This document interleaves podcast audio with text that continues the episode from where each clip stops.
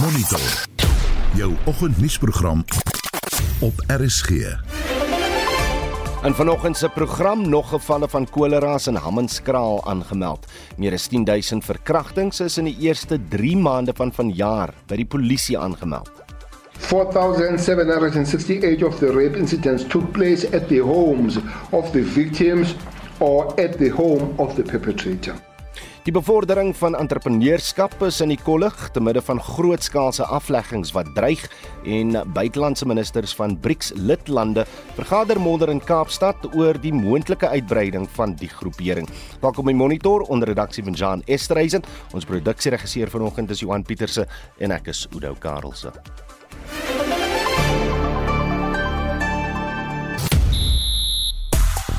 Suid-Afrika se Lloyd Harris word by die Franse Ope uitgeskakel en Daniel Medvedev verras. Rob Marshall verlaat Red Bull om by McLaren aan te sluit en Sevilla en Roma takel mekaar vanaand met 'n plek in die Kampioenligga op die spel. Ek is Shaun Schuster vir RSG Sport.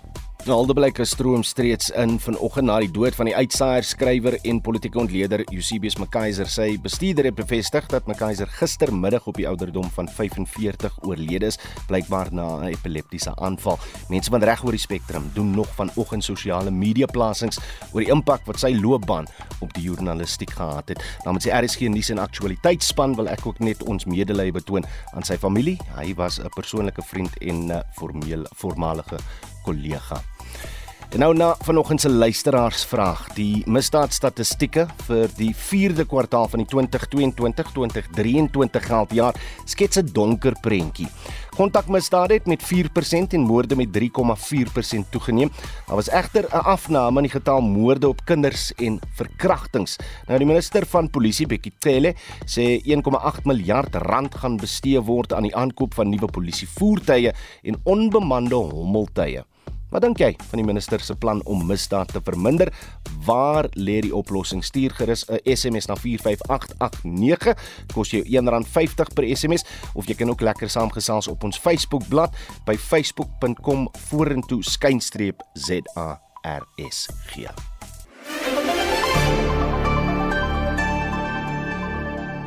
Dis byna 11 minute oor 6. Die Tshwane Metro werk saam met kundiges om die oorsaak van die kolera uitbreking in Hammanskraal noord van Pretoria te bepaal.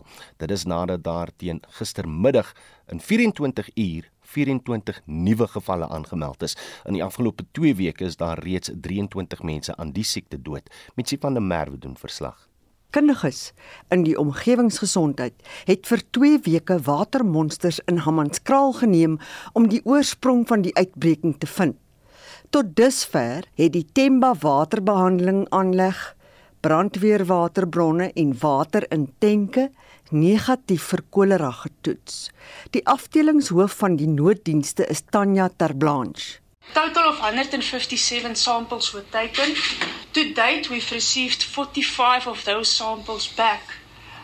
None of the 45 samples had any detection of vibrio cholera. So the health, the environmental health specifically tested for vibrio cholera and they did not get any detection on that.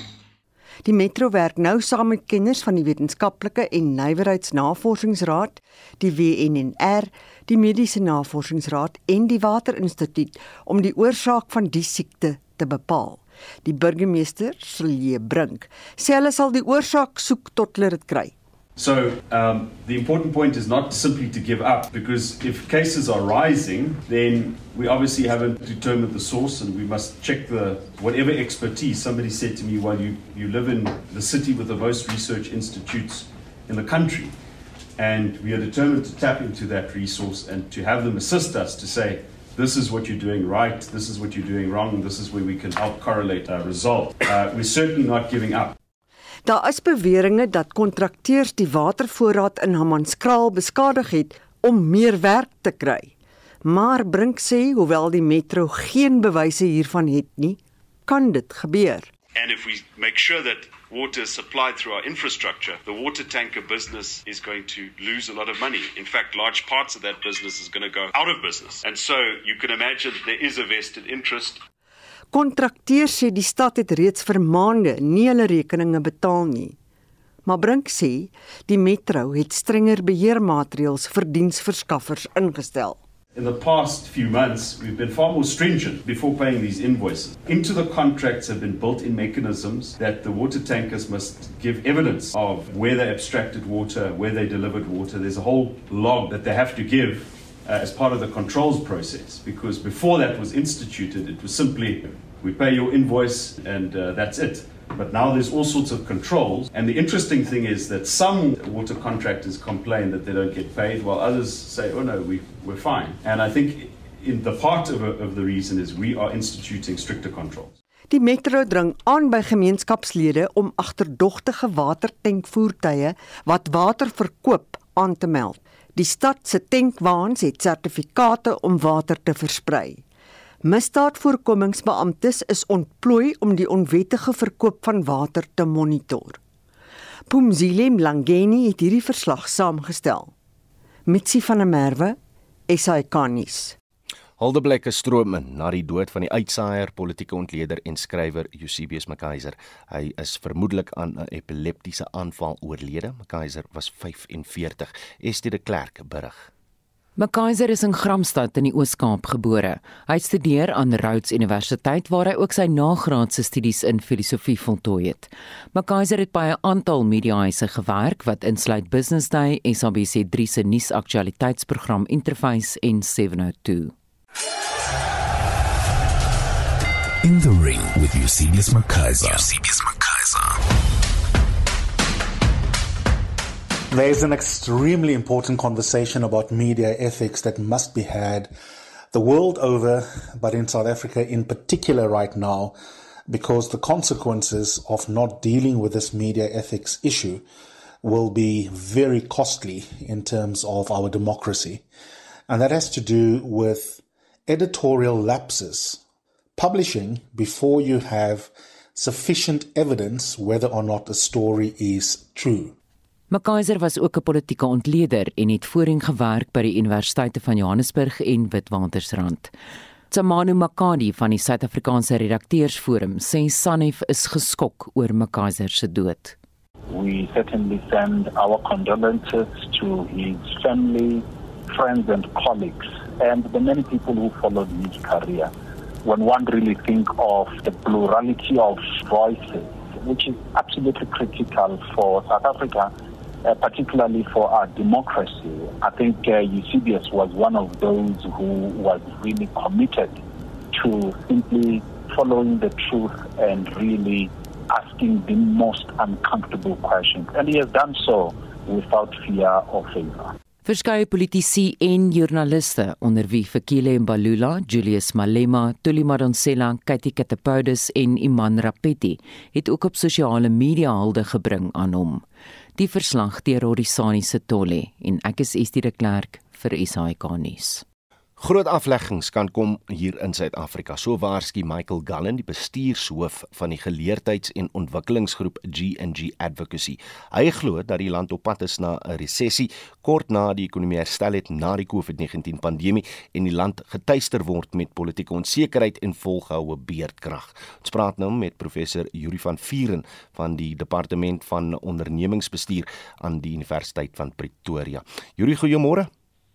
Goeiemôre, hoe gaan dit? Nee, dit gaan goed. Uh, blykbaar minder goed met ons entrepreneurs in Suid-Afrika. Gallen sê resessie dwing gewoonlik werkgewers om hulle ondernemings te herstruktureer en mense af te lê om finansiëel te kan oorleef en en ook sodoende die die meeste moontlike werksgeleenthede te kan behou.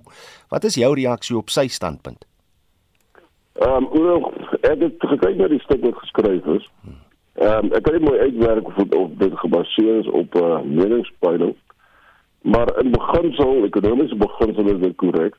Enige werkgewer dit gaan dit doen om te sê maar kom ek kyk wat is vir ons die beste om te doen. Ons sal die nuwe gewende lyne haal ons uit ons besigheid uit. Hmm.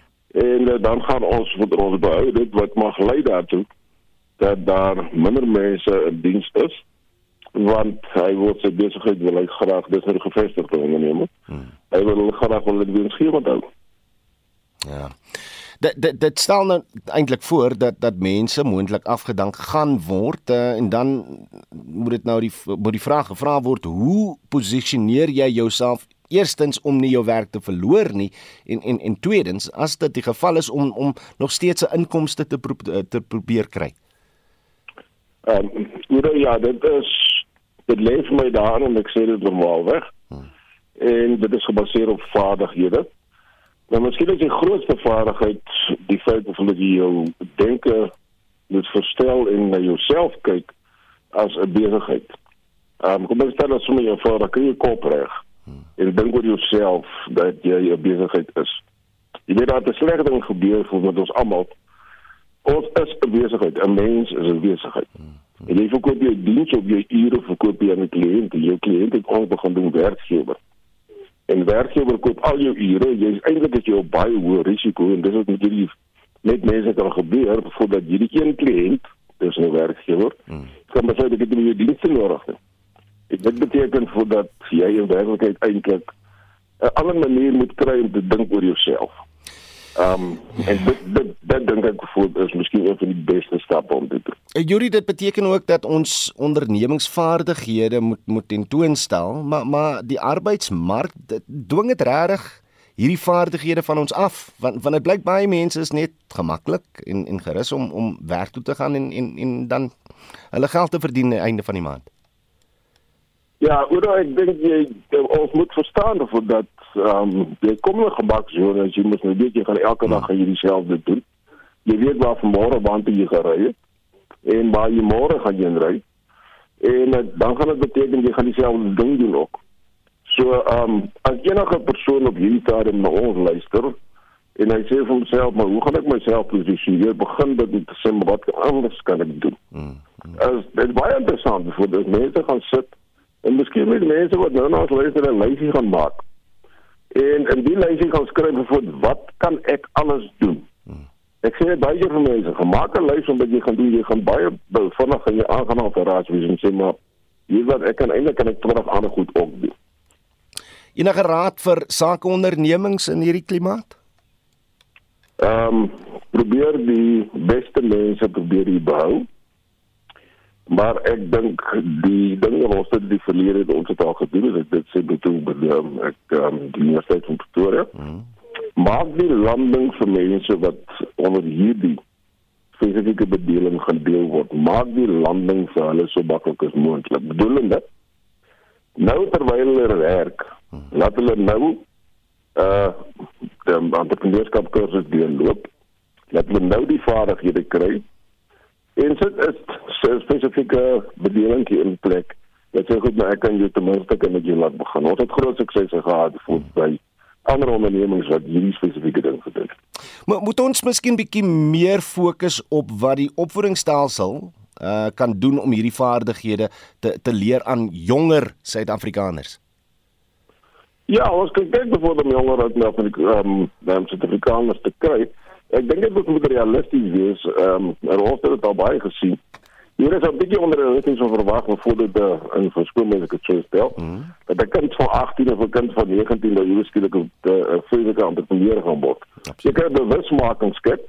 Ek kan sê lees dit goed bevoed doen met die stadium hier dan dink daar vir die mense jongs en nog gesê jy weet met jy met jy vir jouself toerus dat jy 'n ander inkomste ook kan verdien. Mm Ehm um, maar ehm um, dit kan kan ons van 18 jaar oud jy weet um, kan met bloot die bewusmaking kry daarvan vir my. Ek gaan nie nou gaan weer verskriklik aan dit meer word nie. Dit is bietjie onrealisties. Hoor jy? Hoor jy? Professor Yuri van Vieren, dankie vir u tyd hier op Monitor, hy is van die departement van ondernemingsbestuur aan die Universiteit van Pretoria.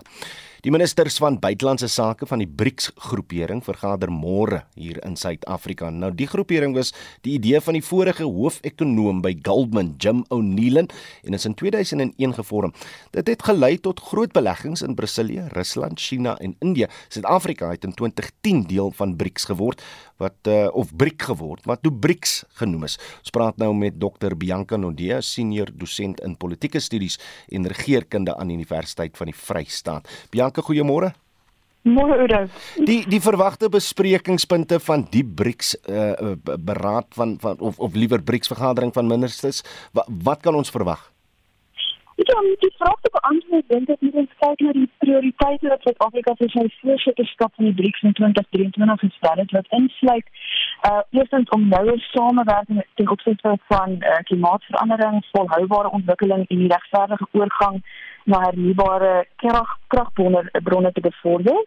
Tweedens dan om nouer ekonomiese samewerking veral in die konteks van die Afrika kontinentale vryhandelgebied te bevorder. Uh, dan om te streef na post-pandemiese ekonomiese herstel ten einde die 2030 volhoubare ontwikkelingsagenda te bereik en laastens om hervorming van die internasionale regeringsregime wat insluit die VN en sy veiligheidsraad en die Bretton Woods instansies te mm. verder te bevorder. So ons het dus verwag dat gestrekspunte by die BRICS samekoms ehm um, geleenthede vir samewerking om hierdie prioriteite te bereik ehm um, rondom hierdie breë tema sal wentel. Verder dink ek sal ons verseker ook in die besprekings van die voorgenome skepping van 'n BRICS geldeenheid, hmm. sowel as die uitbreiding van die BRICS groepering se lidmaatskap ehm um, sien. En dit sal ook interessant wees om te sien of die oorlog in Oekraïne bespreek word hmm. en indien wel wat die inhoud van hierdie besprekings sal wees. As ons dink byvoorbeeld aan die afvaardiging van Afrika gesante, uh, wat die vredesproses in hierdie oorlogsgebied sal probeer bewerkstellig. Bianca so gepraat van die ander lande wat wil aansluit by BRICS. Watter lande is dit en en wat is die redes hiervoor? Uh, dit is 'n hele paar kandidaatlande, ek dink daar's 19, ehm um, wat insluit onder andere Saudi-Arabië, die Verenigde Arabiese Emirate, Bahrein, Turkye, Iran, Egipte en Argentinië. En dit is interessant want baie van hierdie lande is tradisioneel ehm um, strategiese genote van die groot westerse lande veral Amerika. Ehm um, so dit is baie interessant dat hierdie lande nou ehm um, hulle belangstelling in die BRICS uitdruk. Ek dink ehm um, natuurlik daar's ekonomiese voordele aan die BRICS en en die lidmaatskap aan die BRICS. Ehm um, maar ek het nog altyd gevoel dat lidmaatskap van die BRICS ehm um, 'n ander onderliggende element het wat is die gevoel ehm um, van aanvaarding in internasionale politiek. Ehm um, die BRICS gee hierdie lande 'n geleentheid om ehm um, om deel te wees van die internasionale ehm um, politiek en en ekonomie en um, waar baie van die lande op die oomblik uitgesluit voel deur die westerse dominansie. En so ek dink vir baie van hierdie lande is dit 'n gevoel van ehm um, ingesluit wees hmm. en en deel wees van die politiek en die ekonomie wat hulle dalk nie op die oomblik kry nie. En dan as ons kyk na die na die geskiedenis van Suid-Afrika en BRICS, ons is natuurlik uh, in 2010 genooi uh, uh, uh, genooi. Hoekom het, het daai uitnodiging gekom as ons kyk na die ekonomies van van ander lande in die BRICS uh, genootskap is is ons ekonomie maar maar redelik klein. Dit is waar die BRICS uh, was aanvanklik 'n informele groepering wat gevorm het om nouer samewerking tussen ontleikende ekonomiese magte op die rande van die formele internasionale en ekonomie uh, ekonomiese en finansiële strukture te bevorder. Um, en om sodoende teenwoordiging vir hierdie lande in die internasionale ekonomie en in die finansiële regime te verseker. Ehm um, so gegee hierdie aanvanklike idee van beter teenwoordiging vir nie-westerse lande in die internasionale regeringsregime is dit vanselfsprekend dat Afrika ook ehm um, verteenwoordig moet word. En op daardie stadium was Suid-Afrika ten minste in sommige kommentators se oë die kontinent se sterkste ekonomiese en politieke moondheid en dus die beste keuse om hierdie rol te vervul. So ek dink ons kan Suid-Afrika se insluiting by die groepering ehm um, op hierdie manier dalk verstaan. Met die oorlog wat, wat steeds woed tussen Rusland Rusland en Oekraïne kan hierdie groepering met met nuwe lidlande die politieke landskap verander. Ek dink verseker ek dink dit gaan interessant wees om te sien wat gebeur. Ehm um, ons natuurlik baie kommentators wat jy weet aan die een kant of die ander kant van die debat staan. Ehm um, maar ek dink ons kan verseker nie miskyk hoe belangrik uh, die evolusie van hierdie hierdie groepering is en veral met die skep van 'n geldeenheid ehm um, wat ruilhandel gaan vergemaklik en dalk ehm um, die oorwig van die dollar in internasionale ekonomie gaan teenwerk. Ehm um, ek dink dit is belangrik om oog daarop te hou. Hmm. En ehm um, ja, ek ek dink dit sal interessant wees om te sien hoe dit hoe dit goed verander. Ehm um, en ja, Asai, Dr. Bianca Nodes, 'n senior dosent in uh, politieke studies en regeringskunde aan die Universiteit van die Vrystaat. Marlies Skeepers is in die ateljee met 'n blitsoorsig oor wêreldnuus gebeure. Minstens 1 persoon is dood en 3 ernstig beseer na die derde agtereenvolgende hommeltuigaanval op die Oekraïense hoofstad Kiev. Die Oekraïense weermag kon daar in slag om sowat 20 hommeltuie tydens gisteraand se aanvalle af te skiet. 'n Woonstelgebou in die suide van die stad het aan die brand geslaan nadat dit getref is. Die aanvalle volg nadat Moskou deur hommeltuigaanvalle geteken is. Die leier van die Russiese oppositieparty, die Liberale Party, Boris Nejavishny, sê dit is nog nie duidelik wie agter die aanvalle op Moskou sit nie. From the beginning of the conflict, I tried to say that the best decision is negotiation, stopping the military operation. It's the best way. Unfortunately, both sides of conflict, Russia and Ukraine, up to this time, think they can win. So this uh, escalation of this conflict, I'm afraid it will proceed. Ek sien daar is skynbaar mededinging tussen troeteldier kosvervaardigers en die vliegtyg brandstofbedryf. Ja. Omgewingsaktiviste vra dat daar wêreldwyd beperkings geplaas word op die gebruik van vliegtuigbrandstof wat vervaardig word van byprodukte van diere. Afvalprodukte van varke, beeste en hoenders het 'n laer koolstofvoetspoor. 'n Nuwe verslag toon dat die stygende vraag na die vliegtuigbrandstof onvolhoubaar is. Dit sal na verwagting teen die einde van die dekade verdriedubbel met lugdienste wat poog om hul koolstofvoetspoor te verklein. Die aktiviste voer aan dat daar nie genoeg diere is om aan die vraag te voldoen nie.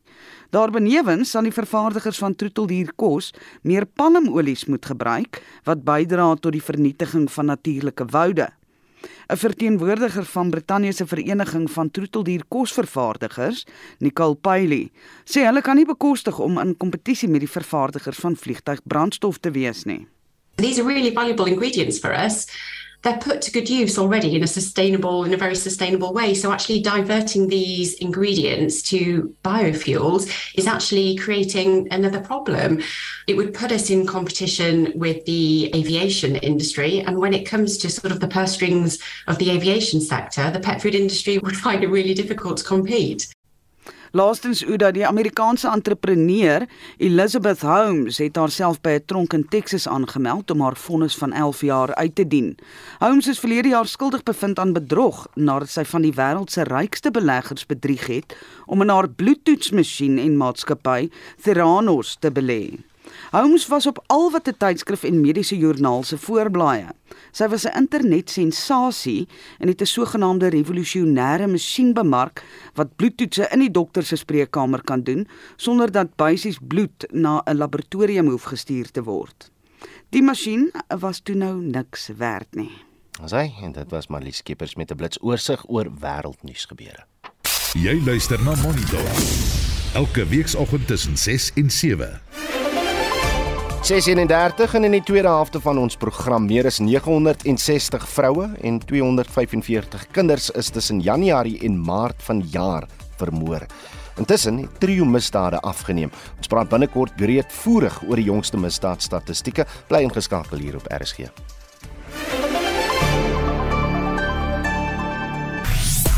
Nou ons praat vanoggend met jou oor die misdaadstatistieke vir die 4de kwartaal van die 2022-2023 geldjaar. Net skets 'n donker prentjie. Kontakmisdade het met 4% en moorde met 3,4% toegeneem. Daar was egter 'n afname in die getal moorde op kinders en verkrachtings. Nou die minister van Polisie, Bekkie Cele, sê 1,8 miljard rand gaan bestee word aan uh, die aankoop van nuwe polisievoertuie en onbemande hommeltuie. Dit was deel van sy plan om misdaad te verminder en ons wil weet wat dink jy van hierdie plan en waar volgens jou lê die oplossing. Trudy Meyer Pfeifer sê op Twitter oplossing is verwyder Tele en gee as vak respek, empatie en uh, kan baie ander byvoeg onder watse vak dit moet val weet ek glad nie miskien sielkunde op 'n een eenvoudige manier. En uh, Sandra de Roubaix sê verkrachting is minder omdat mense dit nie aanmeld nie. Wanneer dit aangemeld word, word mens aan sekondêre verkrachting blootgestel omdat die polisie te lui of onkundig is. Hier by ons moes my kleindogter nadat iemand ingebreek het by haar woonstel terwyl sy enkel ma geslaap het by 'n hek kom by die polisiestasie waar dit gesluit was met slot en grendel terwyl die mense geslaap het. Ons sal kyk of julle ervaring strook met uh, die statistieke. Ons praat binnekort met 'n kenner hieroor. Maar stuur gerus nog van julle SMS'e na 45889 R50 per boodskap. Jy kan ook lekker saamgesels op ons Facebookblad by facebook.com vorentoe skynstreep ZARSG. Reg Shaun, Joost is nou gereed met die jongste sportnuus. Môre Shaun. Goeiemôre Oudo. Ons voorste mans tennisspeler Lloyd Harris is gister by die Franse Ope uitgeskakel. Ja, Harris het sy eerste ronde wedstryd gister teen die nommer 22 van Duitsland Alexander Zverev met 7-6, 7-6 en 6-1 verloor en ek dink die wêreldnommer 2 Daniel Medvedev van Rusland is nou nog in skok na sy vyfstel nederlaag teen Thiago Seyboth Wild die wêreldnommer 172 van Brasilia. Nou in vandag se tweede ronde in die mansafdeling kom die wêreldnommer 1 Carlos Alcaraz van Spanje teen Taro Daniel van Japan en die nommer 3 Novak Djokovic van Servië teen Martin Fucsovic van Hongarye te staan en in die vroue afdeling stap die nommer 3 van die FSA Jessica Pegula teen Camila Giorgi van Italië op die baan uit. Ek sien die Formule 1 span McLaren het 'n proaktiewe stap geneem om weer te begin veg vir oorwinnings en moontlike titels. Ja, die span van Woking daar in Engeland het gister gister aangekondig dat Rob Marshall, Red Bull se hoofuitvoerende ingenieur, na die huidige seisoen by hulle as tegniese direkteur van ingenieurswese en ook ontwerp gaan aansluit. Nou Marshall was 'n ontwerper by Renault in 2004 en 2005 toe die Spanjaard Fernando Alonso sy twee titels verower het en hy was ook 'n ontwerper by Red Bull van 2006 tot 2016 toe Red Bull 4 jaar agtereenvolgens met die titel weggestap het. Die McLaren is heidaglik 6ste uit 10 spanne na 6 wedrenne en het laas in 20 uh, in 2008 'n titel gewen. Reg en drie spanne spook sake uit vir die laaste DStv Premierliga plek vir aanstaande seisoen en in Europa se plek in die Kampioenligga vanaand op die spel. Ja, die drie spanne Maritzburg United, Cape Town Spurs en Kaiserslautern Stars wat in die promosie relegasie reeks in aksie is. Nou Maritzburg United en Kaiserslautern Stars takel mekaar vanaand half 8 en die Europese Liga eindstryd vind vanaand 9uur in Budapest in Hongarye tussen Sevilla van Spanje en uh, Roma van Italië plaas en soos hy sê die wenner kwalifiseer vir die Kampioenligga. Shaun Jooste daar van RSG Sport. Ons fokus nou op die oggend se hoofbesprekingspunt is natuurlik die bekendstelling van uh, die misdaadstatistiek vir die laaste kwartaal van uh, verlede jaar. Nou, die minister van Polisie Bekkie Cele sê dit wil voorkom asof Suid-Afrika besig is om 'n keerpunt in die stryd teen misdaad te bereik. Cele en die topbestuur van die Suid-Afrikaanse Polisie diens het gister die misdaadstatistieke vir die 4de kwartaal van die 2022-2023 geldjaar in die parlement bekend gemaak. Moord het met 206 gevalle toegeneem wat volgens Telle die kleinste stygings is in vergelyking met die vorige 3 kwartale. Celine Merrington het meer besonderhede. In die eerste 3 maande van vanjaar is 6289 mense in die land vermoor. Dis 'n toename van 206 in vergelyking met dieselfde tydperk verlede jaar. In terme van verkrachtings is 306 minder sake aanhange gemaak. Kindermoorde het verminder tot 245 poging tot moord van kinders het met 29 toegeneem tot 360. Gelem in hierdie is tekens dat vordering gemaak word teen misdaad. It remains concerning that 10,512 people were raped in the first three months of this year. 4,768 of the rape incidents took place at the homes of the victims or at the home of the perpetrator. The declines and improvements in some crime categories are welcome but should never be interpreted as victories. Crime in the country is still high and stubborn. Generaal-majoor Norman Sekukune sê die meeste kontakmisdade het toegeneem. Starting with the contact crimes, we have an increase in terms of the murders of 206. Then we had a decrease of sexual offences of 594. We had an increase in terms of attempted murder of 475. Assault GBH increased by 98. Common assault increased by 3,480. Maar die statistiek word nie dieselfde ervaar op voedselvlak nie. 'n Kaapstadse man, Pieter Herring en sy familie is twee keer in hul huis aangeval en hy was in sy oprit aangerand. Hering sê tydens een van die voorvalle was sy seun vasgebind. Hy sê die polisie was nie van veel hulp nie. Look, I've got no respect for the minister. I've got no respect for the cops because as far as I'm concerned, they dropped the ball. Die portefeulje komitee oor polisie sal die misdaadstatistieke vandag breedvoerig bespreek.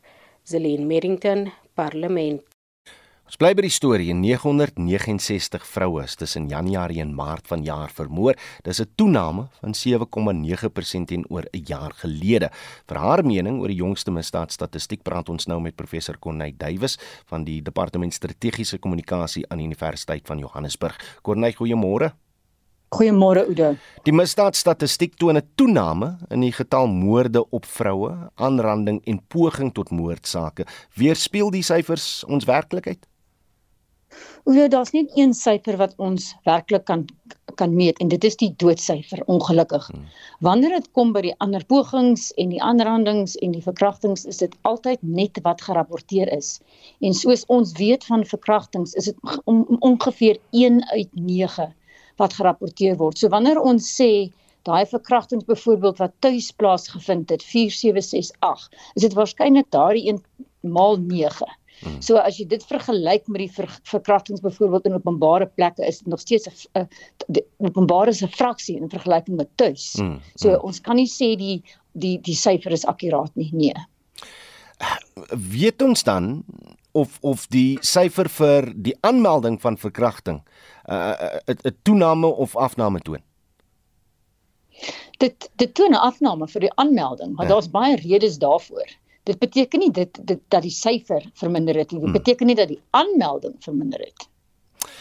Kom ons gebruik net 'n uh, eh, ervaring van een van ons luisteraars Sandra Robuy skryf op uh, Facebook uh, verkrachting is minder soos hy soos jy nou gesê het omdat mense dit nie aanmeld nie. Haar dogter se ervaring is uh daar was 'n huisinbraak gewees.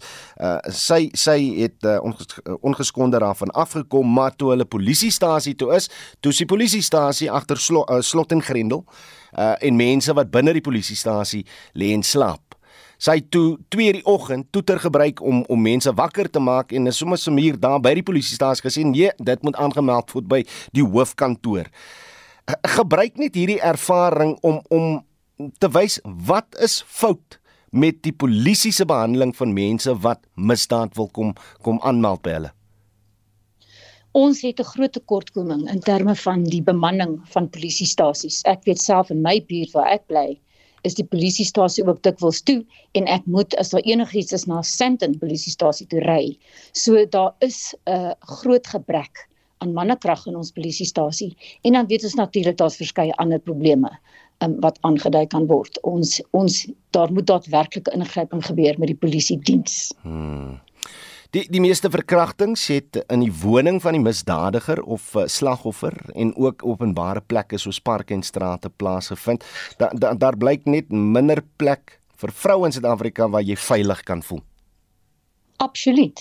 Onthou ook dat as jy nou kyk na die verkrachtings wat tuis plaasgevind het, dit is meestal deur uh, oortreders bekend aan die slagoffers.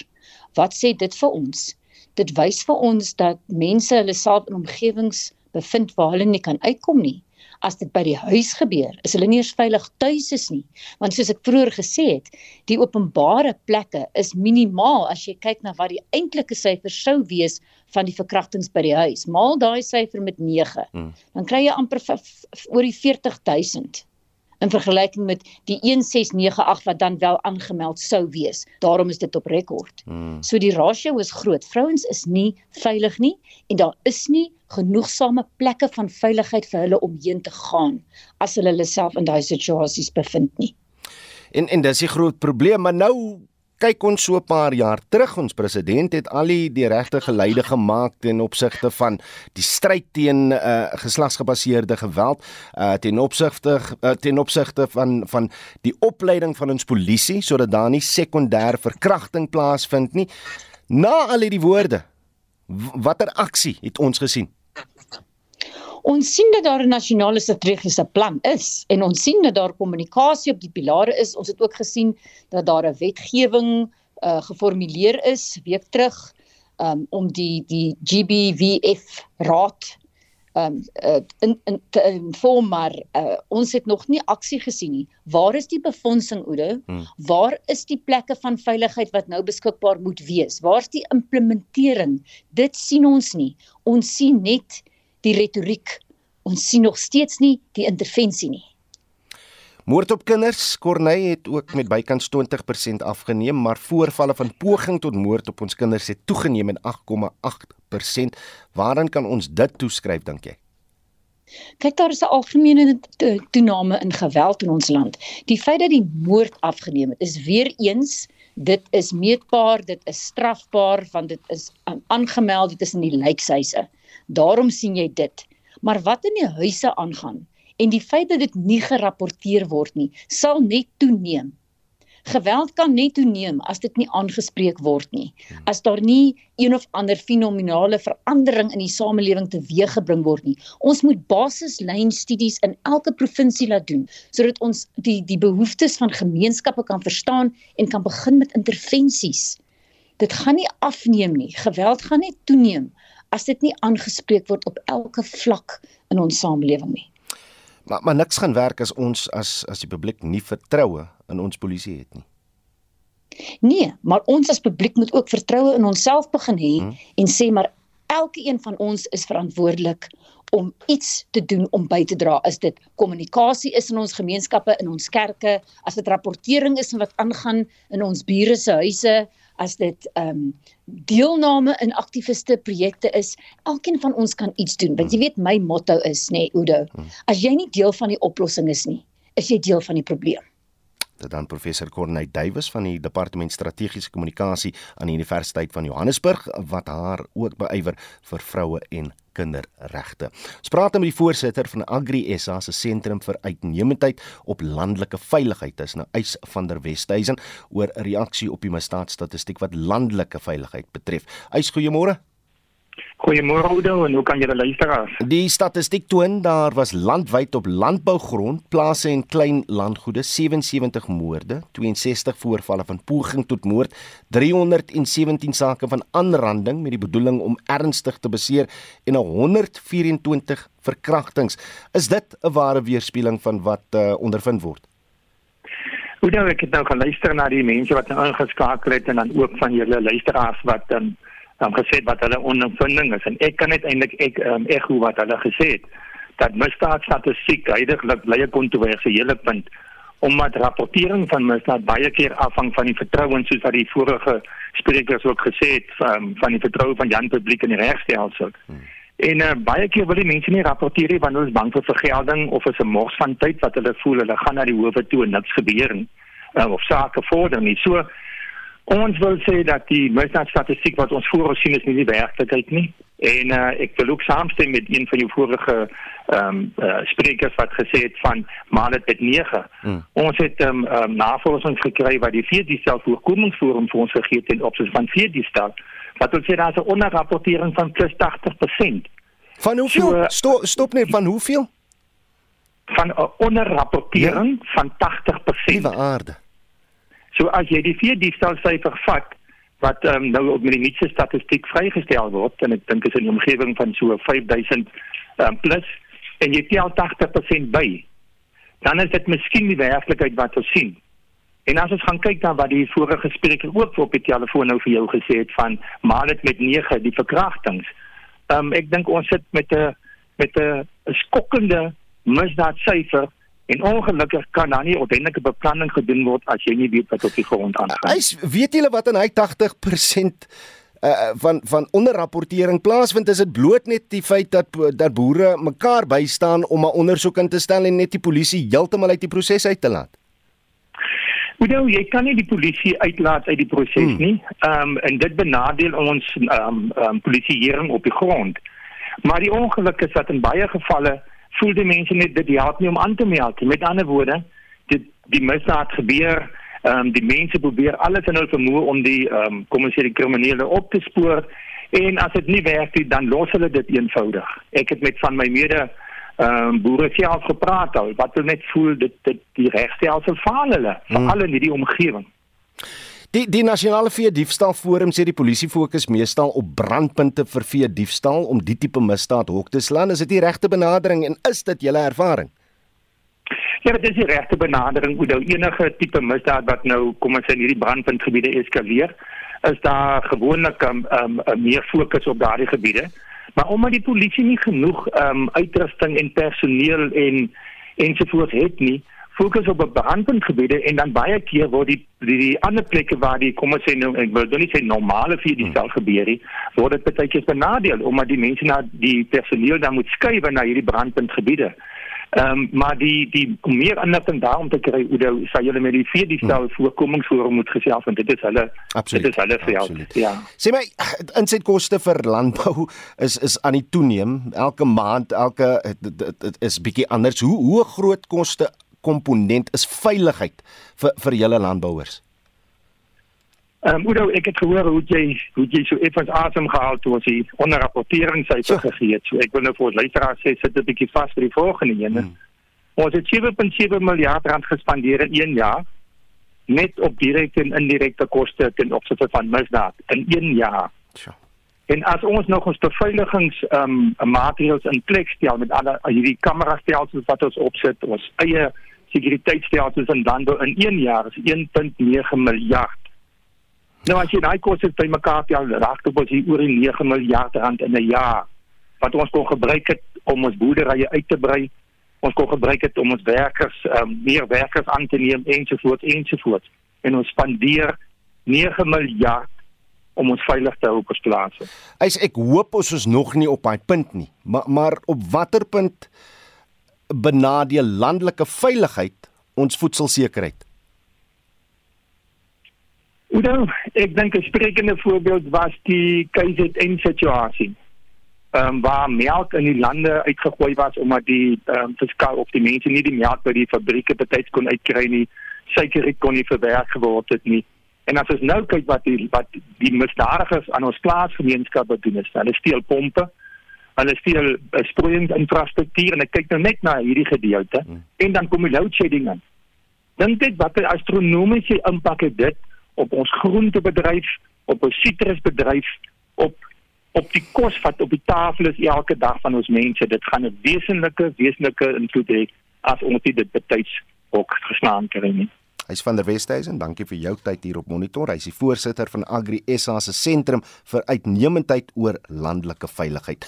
Nou die sogenaamde trio misdade het in die eerste 3 maande van vanjaar met 1,5% afgeneem. Die kategorie sluit in transito en bankroofdogte as ook die kaping van vragmotors. Ons praat hieroor en oor ander kwessies um, met 'n onafhanklike navorser in kriminologie Dr Henny Logner. Henny, goeiemôre. Môre Oudo, hoe gaan dit? Nee, dit gaan goed, maar uh, volgens die statistiek was daar 64 transito rooftogte van Januarie tot Maart 3, uh, 2023, 11 meer as in die vorige jaar. Jou reaksie hierop?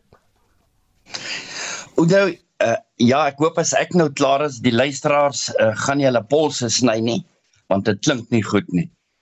Ja, dit is so maar ek moet as ek na uh, misdaad statistieke kyk dan kyk ek na die na die misdaad ondersoek die intel, en die intelligensie en die inligting wat dit daarin vir my sê. Stem met almal met almal anders saam dat uh, dit nie 'n werklike uh, weergawe is nie. Dit is maar net om politieke partye stil te kry en om die gemeenskap iets vir hulle te sê. Wat jy, jy het gesê wat, wat, wat, Ja, ja, ja jammer om jou in die rede te val, maar jy het gesê dat jy nie die die moordsyfer glo en dan die ander syfers gemanipuleer word. Hoekom sê jy so? Ek nee, ek ek glo, ek definitief glo ek moordsyfers. Almal kom die lewe in met 'n sertifikaat en gaan die lewe uit met 'n sertifikaat. So ook 'n persoon wat in die korrektiewe dienste verbrand word, hy hmm. het ook 'n sertifikaat. So dit is die mees betroubaarste wat daar is. Hmm. Maar misdaad statistiek kan gemanipuleer word en misdaadstatistiek gee nie die werklike uh feite vir julle. Kom ons kom ons vat nou die sekspes. Hy's oor is aan oor 'n 700 klagtes skuldig bevind.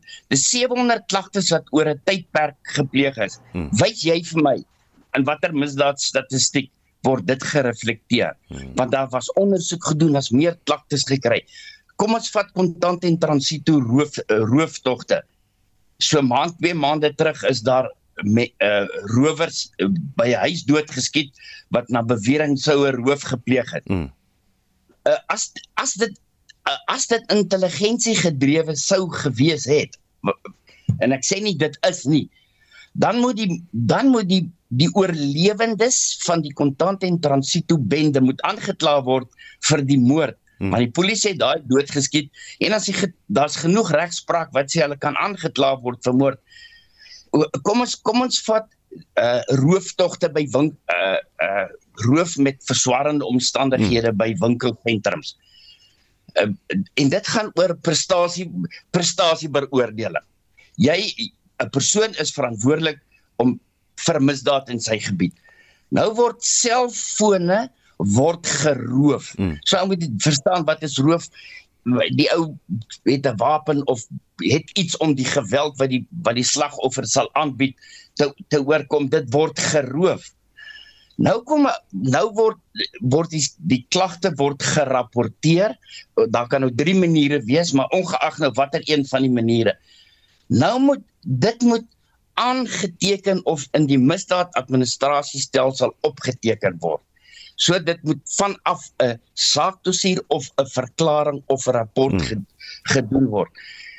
So nou gaan jy dit aanteken as roof met verswarende omstandighede wat heeltemal 'n ander hmm. vonniskategorie hmm. ander of gaan jy dit net as diefstal van 'n selfoon aanteken? Want die einde van die jaar gaan na want diefstal kan jy kan jy eintlik nie misdaadvoorkoming mee doen nie, maar roof kan jy. So daar's soveel goed wat 'n ou hier teen die dak uitjaag as ek na hierdie goed kyk. Ek wil net graag die hmm. laaste hmm. ietsie die die uh, die die uh daling in die in die uh misdade uh, verkrachting en uh, seksuele misdade dit is prysenswaardig en waar dit dan ook plaasgevind het die daling daar is ook prysenswaardig dit sê vir my een ding dat die strategie vir die vroue maand wat op radio plaasgevind het in Maart en sê dis vrou maand dat daai ding het vrugte afgewerk. So ek sien dit deel as misdaadvoorkoming. Kan ek nog 'n misdaadvoorkoming net uh, vinnig, ja. Uh, ja, ek bly in George. Hier's 'n hier's 'n verkeers hier's 'n verkeersbussie wat wat meer gehaat word as beerkrag. Hmm. Maar wanneer hy op 'n spesifieke plek staan, dan is vir daai hele dag vir die hele dag is daar is daar geen ver, verkeersoortreding spoedkamera en tot die kinders speel rugby op die Hoor veld daar naby. So ja. veilig is dit. Die misdaadsvoorkoming sê hy is belangrik. Dis 'n uh, dokter Henny Logner en hy's 'n onafhanklike navorser uh, in kriminologie wat die boek Transito the true story behind the big money robberies geskryf het. Reg kom ons sluit af met julle terugvoer oor die misdaadstatistiek en ook Bekkie Cele se uh, plan om om uh, nuwe polisievoertuie en onbemande hommeltuie aan te koop as 'n uh, deel van sy plan om misdaad te verminder in die land. Yuri Brand sê tyd mors om hieroor te praat. ANC uh doen net hulle wil. Uh Cecilia Masin Ferreira sê oplossing kry minister wat dinge omkeer en wet en orde handhaaf. Uh Daniel Hodgman sê meer polisie voertuie, maar die wat hulle het word gebruik om inkopies en ander privaat besigheid te doen. Die beamptes moet patrolleer. As daar hommeltuie is, gaan hulle nog luier word, sê hy. En Renay van der Berg sê hierdie verg veel meer as 'n nuwe minister of misdaadplannetjies. Die herstel van 'n sosio-ekonomiese klimaat, maatskaplike regstellings en so voort sodat die kern van menswees herstel, moraliteit, respek en so voort. So voel jy daaroor stuur vir ons 'n SMS uh, op die nommer 489 5889 en kos jy R1.50 per boodskap en jy kan ook lekker saamgesels op ons Facebook bladsy by facebook.com vorentoe skynstreep ZARSG. Ons groet dan namens ons uitvoerende regisseur Nicoline de Wee, die redakteur vanoggend was Jean Estreisen, ons produksieregisseur Johan Pieterse en ek is Oudo Karelse. Geniet jou dag in die geselskap van RSG op en wakker is volgende. Totsiens.